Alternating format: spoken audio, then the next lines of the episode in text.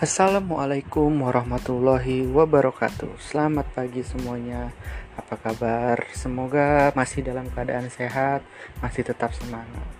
Di kesempatan kita kali ini, kita akan sama-sama membahas materi terakhir di bab ketiga ini, yaitu tentang menampilkan sikap yang sesuai dengan hukum.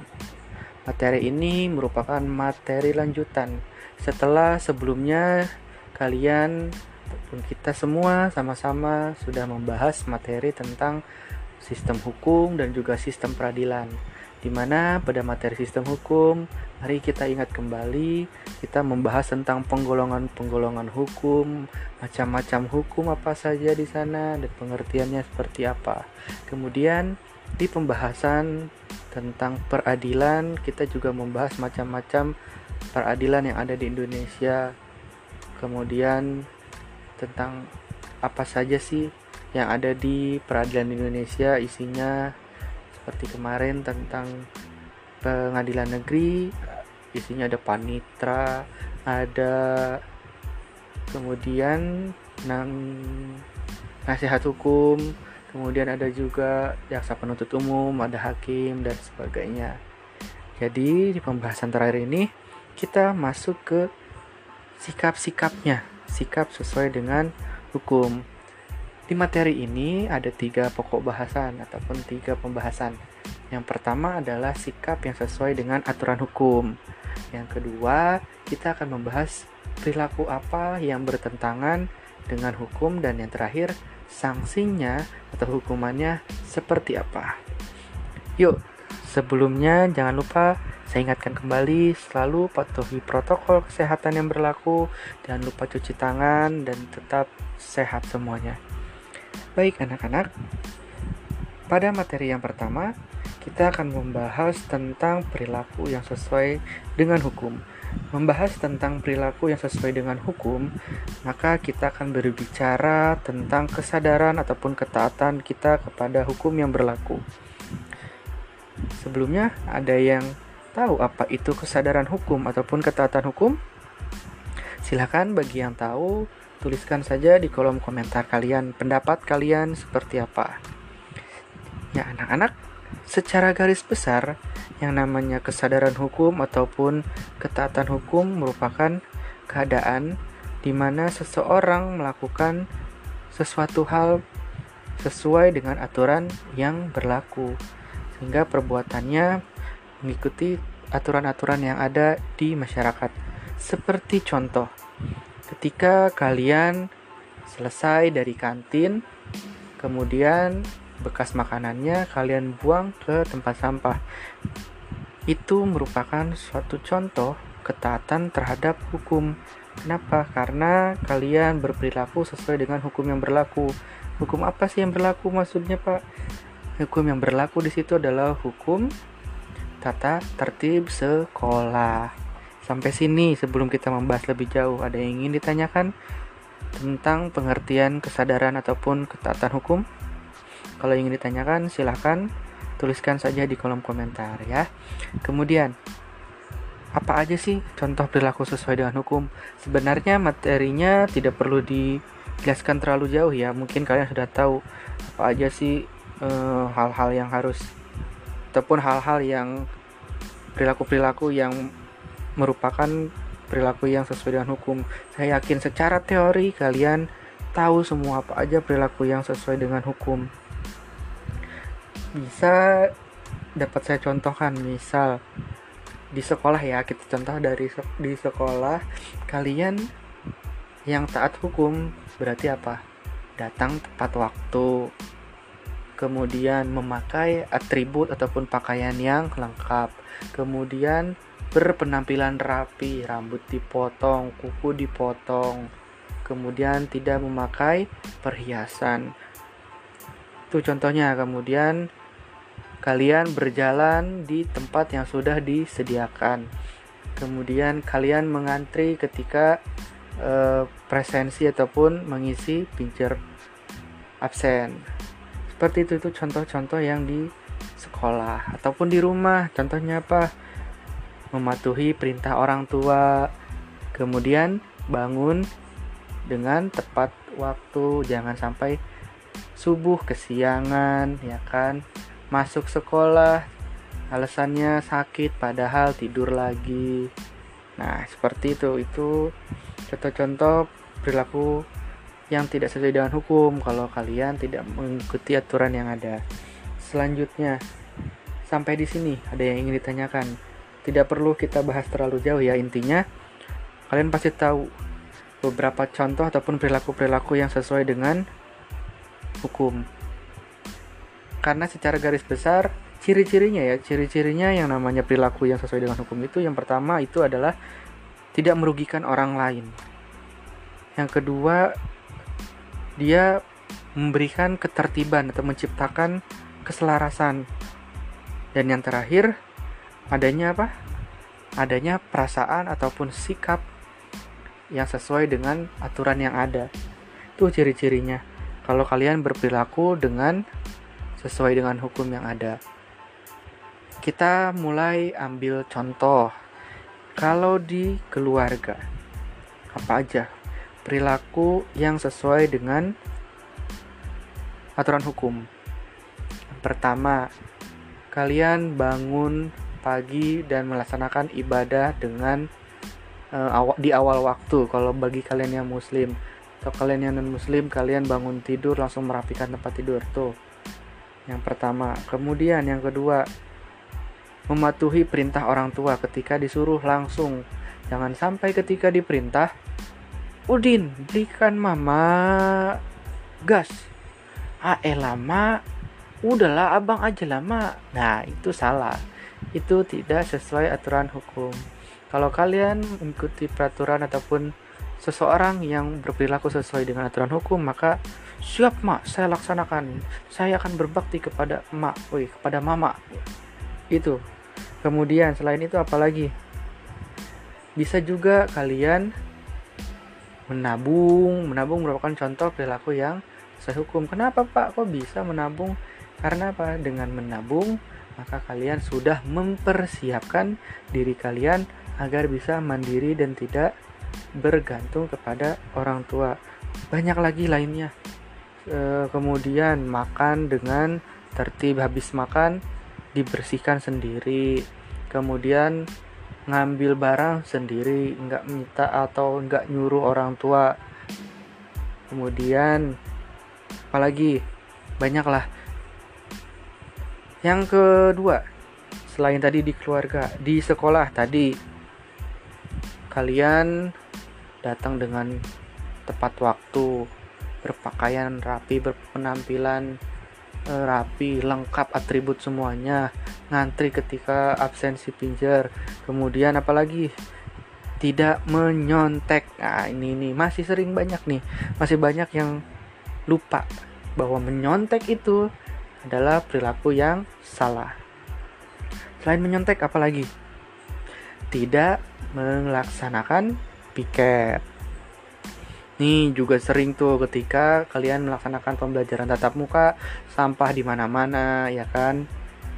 Kemudian bekas makanan ketika istirahat gak dibalikin lagi. Terus apalagi e, ngambil makanan ataupun ngambil gorengan di kantin ngambilnya 5 ngakunya dua hal-hal seperti itulah yang gak boleh dilakukan lagi sekarang malah jadi kangen kan ya kan? Hal-hal kayak gitu jadi kangen kan pada di rumah masing-masing. Oke selanjutnya. Yang di masyarakat. Yang tahu contohnya apa? Contohnya ikut kerja bakti. Tuh kalau misalnya setiap hari minggu dari RT-nya ada info untuk kerja bakti ikut silahkan. Kemudian apalagi siskamling mungkin. Apalagi yang ketiga menghormati adat istiadat yang berlaku di tempat kalian.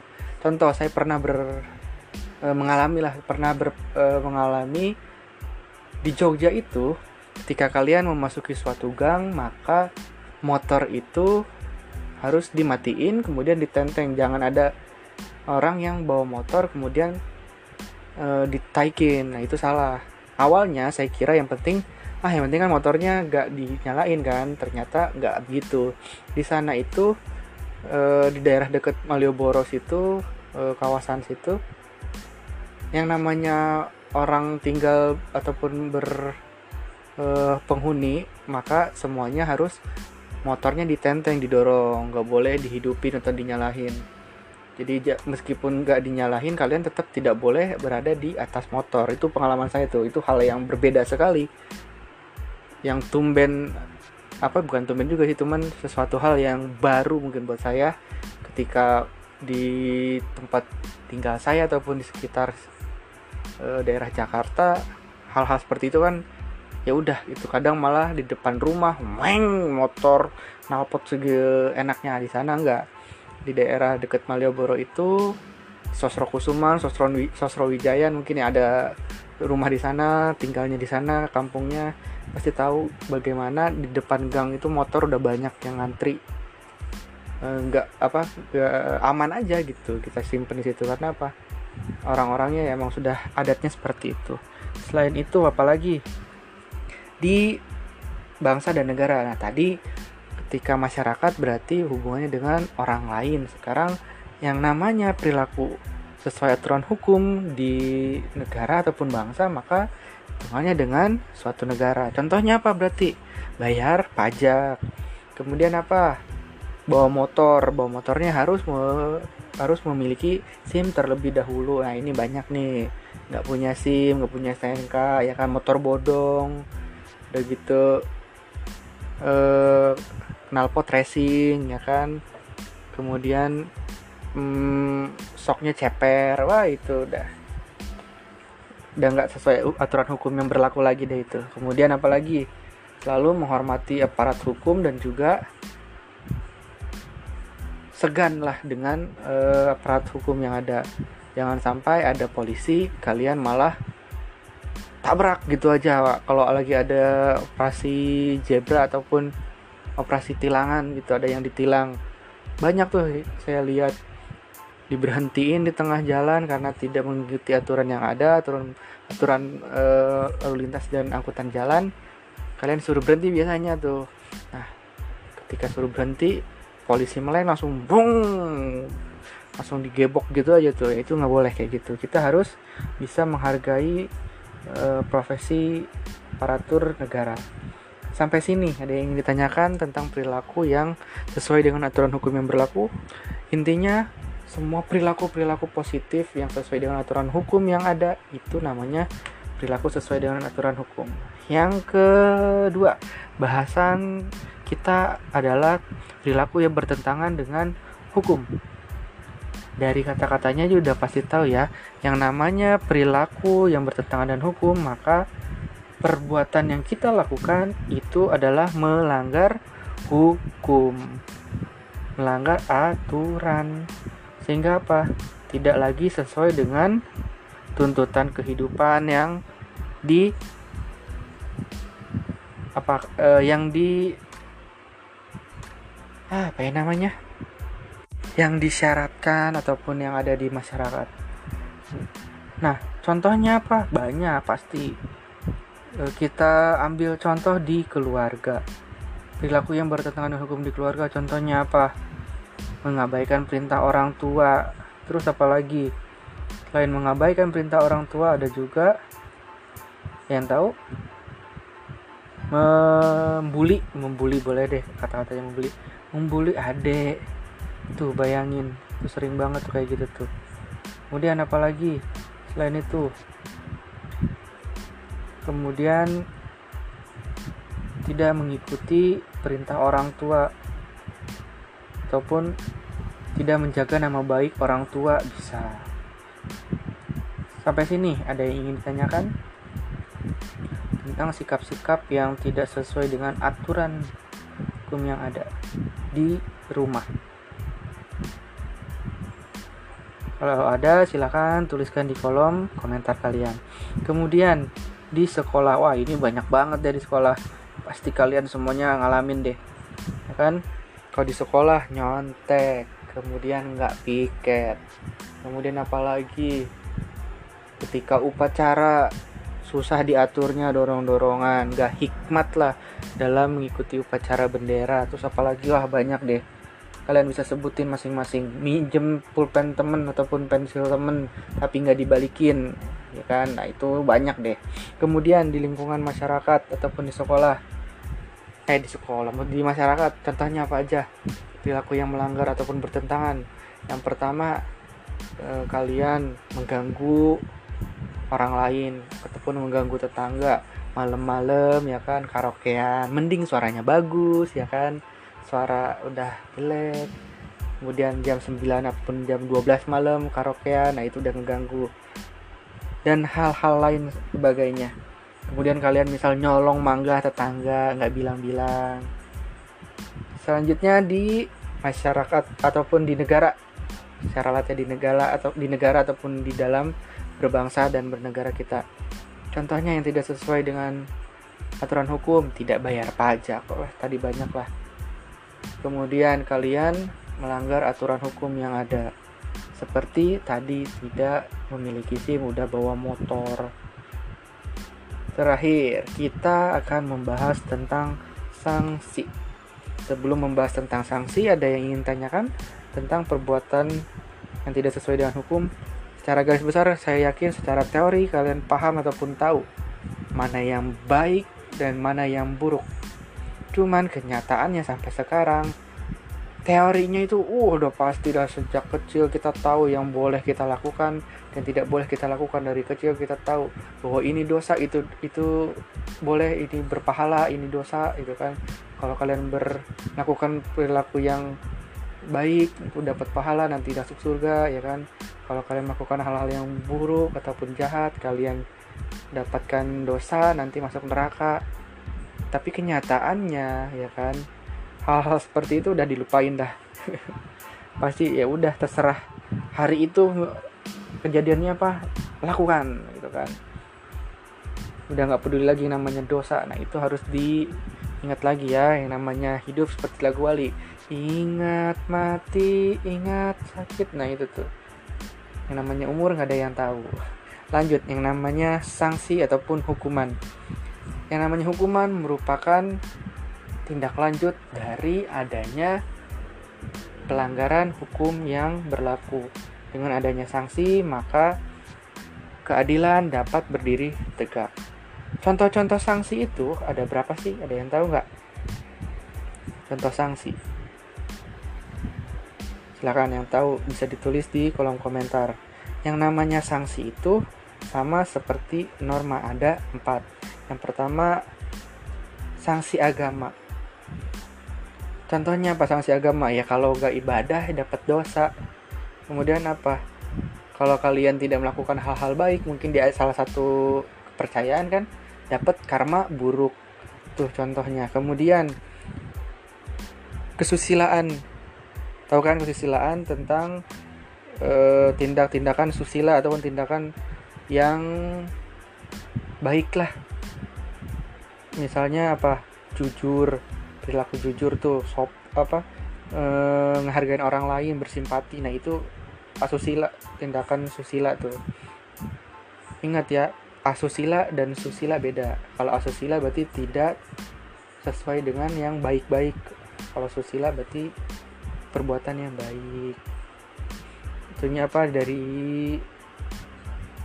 hati nuraninya manusia gitu. Harusnya seperti apa susila tuh sanksinya apa kalau kita nggak jujur? Ya dijauhin temen. Kalau kita nggak menghargai orang lain ya dijauhin temen nggak punya temen. Kemudian apa lagi? Jadi kayak diri dirinya murung sendiri ya kan? Bingung mau ngapa-ngapain karena nggak ada orang di sekeliling. Kadang bisa merasa nyesel kalau kita kalau kita berbohong mungkin yang masih imannya masih ada ya kan? Nyesel ngerasa nyesel ngerasa bersalah dan sebagainya. Ataupun bisa juga malu. Terus kesopanan. Apa aja sanksinya? Sanksinya bisa jadi e, dikata-katain mungkin ya kan? Nggak e, ditemenin bisa. Contoh psikosim. Suatu hari psikosim itu e, lewat depan rumah si Edo. Si kosim eh, jalan udah kayak apa ya kayak fuckboy gitu kan. Jalan songong. Terus tiba-tiba ngelihat ada si Edo lagi nyiram tanaman. Tiba-tiba si Kosim ngeletuk ataupun bercanda mungkin ya. Ya elah siram apa nyiram tanaman mulu biar tinggi. Udah mendingan nyiram diri sendiri biar tinggi. Nah itu contoh tuh. Itu udah nggak sopan tuh udah menghina. Bisa apa? Bisa dicemooh ataupun dikata-katain orang lain. Ataupun bisa jadi kalian nggak ditemenin lagi. Banyaklah sanksinya. Terakhir yang akan kita bahas penuh adalah hukum sanksi hukum. Sanksi hukum itu sifatnya ada dua. Yang namanya sanksi hukum itu ada dua. Apa aja tegas dan juga nyata maksudnya tegas di sini apa artinya aturannya itu udah dibuat secara nyata itu misal yang dalam aturan hukum di Indonesia kita berpatokan atau mengacu pada KUHP atau Kitab Undang-Undang Hukum Pidana. Di sana yang namanya hukuman itu tegas. Gimana tegas? Ada dua, ada hukuman pokok dan tambahan.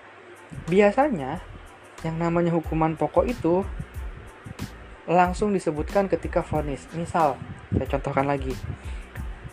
Yang namanya hukuman pokok itu uh, contoh kasus siapa ya? Contoh kasus penyerangan terhadap novel Baswedan. Si pelaku ini difonis ataupun udah putus nih di pengadilan negeri.